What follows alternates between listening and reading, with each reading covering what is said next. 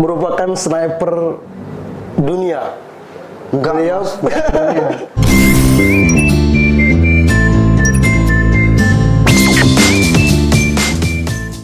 Halo, Assalamualaikum warahmatullahi wabarakatuh.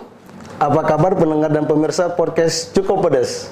Nah, saat ini di samping saya sudah ada Komandan Kodim 0405 Lahat, Letkol Kavaleri Sauf Alamin SCMSI. Tetap semangat di tengah pandemi Covid semangat, seperti ini, Bang. Iya. Iya. Jadi eh, setelah saya baca-baca profilnya eh, Bang Letkol Kavaleri Sauf Alamin ini, beliau ini ternyata merupakan sniper dunia. Enggak, beliau. Enggak dunia. oh ini fakta loh bang. Enggak, enggak dunia. Iya, Ya, jadi cuma angkatan darat saja. Angkatan darat. Iya. Oh jadi Piala Kasar. Piala Kasat. Tapi kalau saya lihat di eh, profil-profilnya eh, Bang Sawaf itu pernah menjuarai eh, sniper tingkat Asia Tenggara. Ya, Betul itu bang. bukan sniper tapi lomba menembak pistol. Lomba menembak Menembak pistol. pistol. Oke bisa dijelaskan. Kalau sniper itu kan senapan panjang. Oh. Kalau pistol untuk laras pendek, senjata pendek. Itu pada saat saya dulu masih dinas di Makassar, kebetulan saya masih pangkat letnan 1 sama dengan kapten.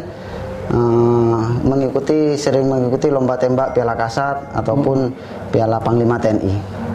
Oh jadi waktu itu eh, apa eh, tingkat kasat, tingkat TNI Angkatan Darat. Ya, pertandingannya di Cilodong. Mm-mm.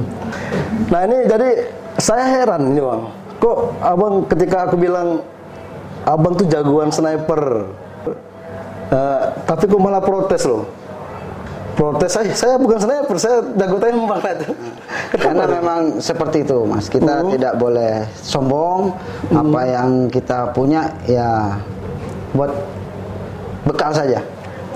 Nah kembali ke prestasi-prestasi tadi. Eh, waktu itu eh, ketika abang menggeluti fokus kepada kegiatan menembak itu eh, kenapa kok abang sukanya sukanya kok olahraganya seperti itu bang? Ya.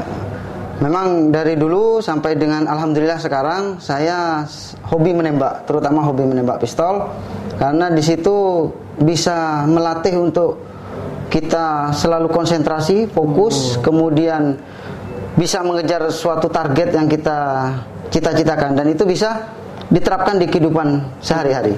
Kalau kita bisa menerapkan uh, prinsip-prinsip yang ada di menembak itu bisa kita terapkan di kehidupan sehari-hari. Nah, oke itu sudah berlalu nih bang. Ya. Itu merupakan prestasi yang eh, sangat luar biasa waktu itu eh, di bawah jajaran kodamnya Kodam 7 Wirabona waktu itu. Kodam 7 Ya. mungkin menjadi eh, nama baik juga untuk Kodam 7. Nah, itu waktu eh, di satuan eh, apa tempur mungkin ya bang? Iya. Di satuan tempur dan sekarang eh, di satuan wilayah. Betul. Dan aku lihat juga itu baru eh, sekitar tiga bulan ya bang. Saya Di sini baru dua bulan. Baru dua bulan. Baru dua bulan. Nah ini yang jadi pusing. Baru dua bulan selama ini di satuan tempur dan sekarang satuan wilayah itu sangat ber- bertolak belakang bang. Nah mungkin ada strategi khusus nggak nih bang untuk eh, mengkombinasikan strategi tempur dan sekarang kan wilayah kan teritorial Ya. yang harus berhubungan dengan masyarakat kemudian yang harus humanis segala macam ya. Ya. Seperti apa itu bang? Eh, jadi gini mas, kebetulan kalau saya mulai berdinas itu 2001 memang bervariasi. Eh, dinas di satuan tempur, habis itu pernah dinas di satuan teritorial juga. Saya pernah jadi kasdim di Jakarta Utara. Jadi eh, setelah saya mendapat jabatan jadi dandim, agak tidak begitu kaget karena kita sudah pernah ya, dinas di teritorial juga. Oh gitu. Jadi tidak terlalu pusing Tidak. untuk apa mengurusi kewilayahan ya. Satuan kewilayahan seperti ini, Bang. ya? betul. Nah, kalau menurut seorang dandim itu kan sebelum ini kan sebagai eh, danyon DPC ya. Ya betul. Apa tuh? Dan Yon Kaf 5. Ah, danyon Kaf 5 itu kan eh, satuan tempur juga. Dan kemudian eh, sekarang baru dua bulan eh, memimpin satuan wilayah. Ada nggak eh, strategi khusus dari tempur yang bisa kita bawa ke wilayah seperti ini? Eh, kalau dibilang strategi khusus sepertinya tidak ada. Saya rasa di antara saya penugasan di satuan tempur sebelumnya di Yonkaf 5 ataupun sekarang di satuan teritorial itu sama. Intinya kalau di militer itu kita harus yang paling penting itu adalah disiplin. Oh, gitu disiplin. Ya. Eh, karena ini pengalaman juga sih. Kalau eh, lihat di satuan tempur itu kan orangnya tegang-tegang Bang. Ya. Disenggol sedikit ngajak bala. Disenggol sedikit merengut Ya, kayak gitu kan. Nah, itu dan sekarang sudah ke satuan wilayah. Nah, itu kan ada sisi yang bertolak belakang Ya, mungkin. betul. Bertolak belakang. Nah, mungkin ada pembekalan atau Ya. seperti apa gitu. Eh, memang eh, ada perbedaan sedikit. Kalau kita di satuan itu biasanya kan kita hanya kegiatannya seputar latihan, kemudian pembinaan satuan, kemudian pembinaan kesenjataan dan lain sebagainya. Tetapi kalau sekarang di wilayah, terutama saya sekarang di Kodim, kita harus eh, lebih dekat dengan masyarakat karena anggota saya juga eh, Kodim 0405 Li- Lahat ini yang terdiri dari 13 koramil itu semuanya tersebar di seluruh wilayah Eh, tiga wilayah kalau saya ini mas jadi Kabupaten Lahat kemudian Kabupaten Empat Lawang dan Kota Madia Pagar Alam Mm-mm. Ada tiga wilayah yang tiga kepala daerah, Tiga kepala hanya daerah. satu Ya, komandan kodim. sementara Wah, masih satu kodim luar biasa.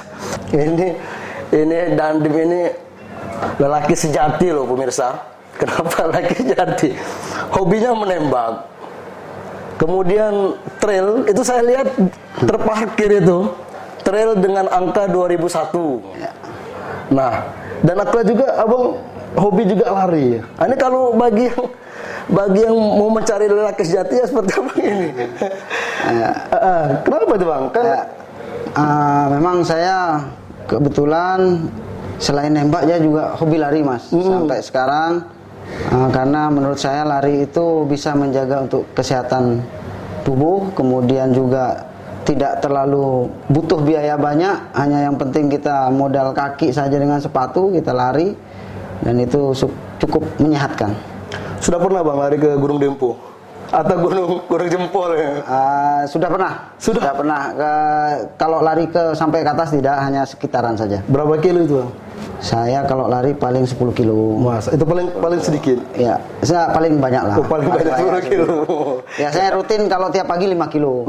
Paling seminggu tiga kali atau seminggu dua kali 10 kilo. Saya pernah bang 43 kilo bang. Ya, Saya- maraton berarti. Hah? Maraton kalau 40 Enggak pakai mobil. Oh. pakai mobil. Iya, Jadi, Aku lihat dari Maranim ke Lahat, Lahat ini kan 43 kilo. Nah, itu aku lihat oh 43 kilo jauh juga. Iya, itu. iya. Nah, untuk ngetrail paling ekstrim di mana nih? Kalau ngetrail tadi sampean bilang motor saya ada angkanya 2001 kebetulan saya letting 2001 Mas. Angkatan 2001. Akmil lulusan 2001 makanya di motor saya tulis itu karena saya cukup bangga dengan angkatan saya kemudian kalau di sini paling medannya ya diajak teman-teman di sekitaran lahat saja Lahat. di sekitaran lahat sambil menikmati pemandangan Karena baru juga baru dua bulan. iya betul Ada cita-cita ingin bermotor ke Dempo bang, ke puncak mungkin? mungkin nanti kita Buat jalan baru ya bang? Buat jalan baru. Tapi bukan jalan TMMD Iya, bang. betul, Itu, betul. Itu hutan-hutan lindung gitu bang. Betul, betul. Oke bang, terima kasih. Demikianlah uh, pemirsa podcast cukup pedas. Kita nantikan podcast-podcast dan pedas-pedas lainnya. Wassalamualaikum warahmatullahi wabarakatuh.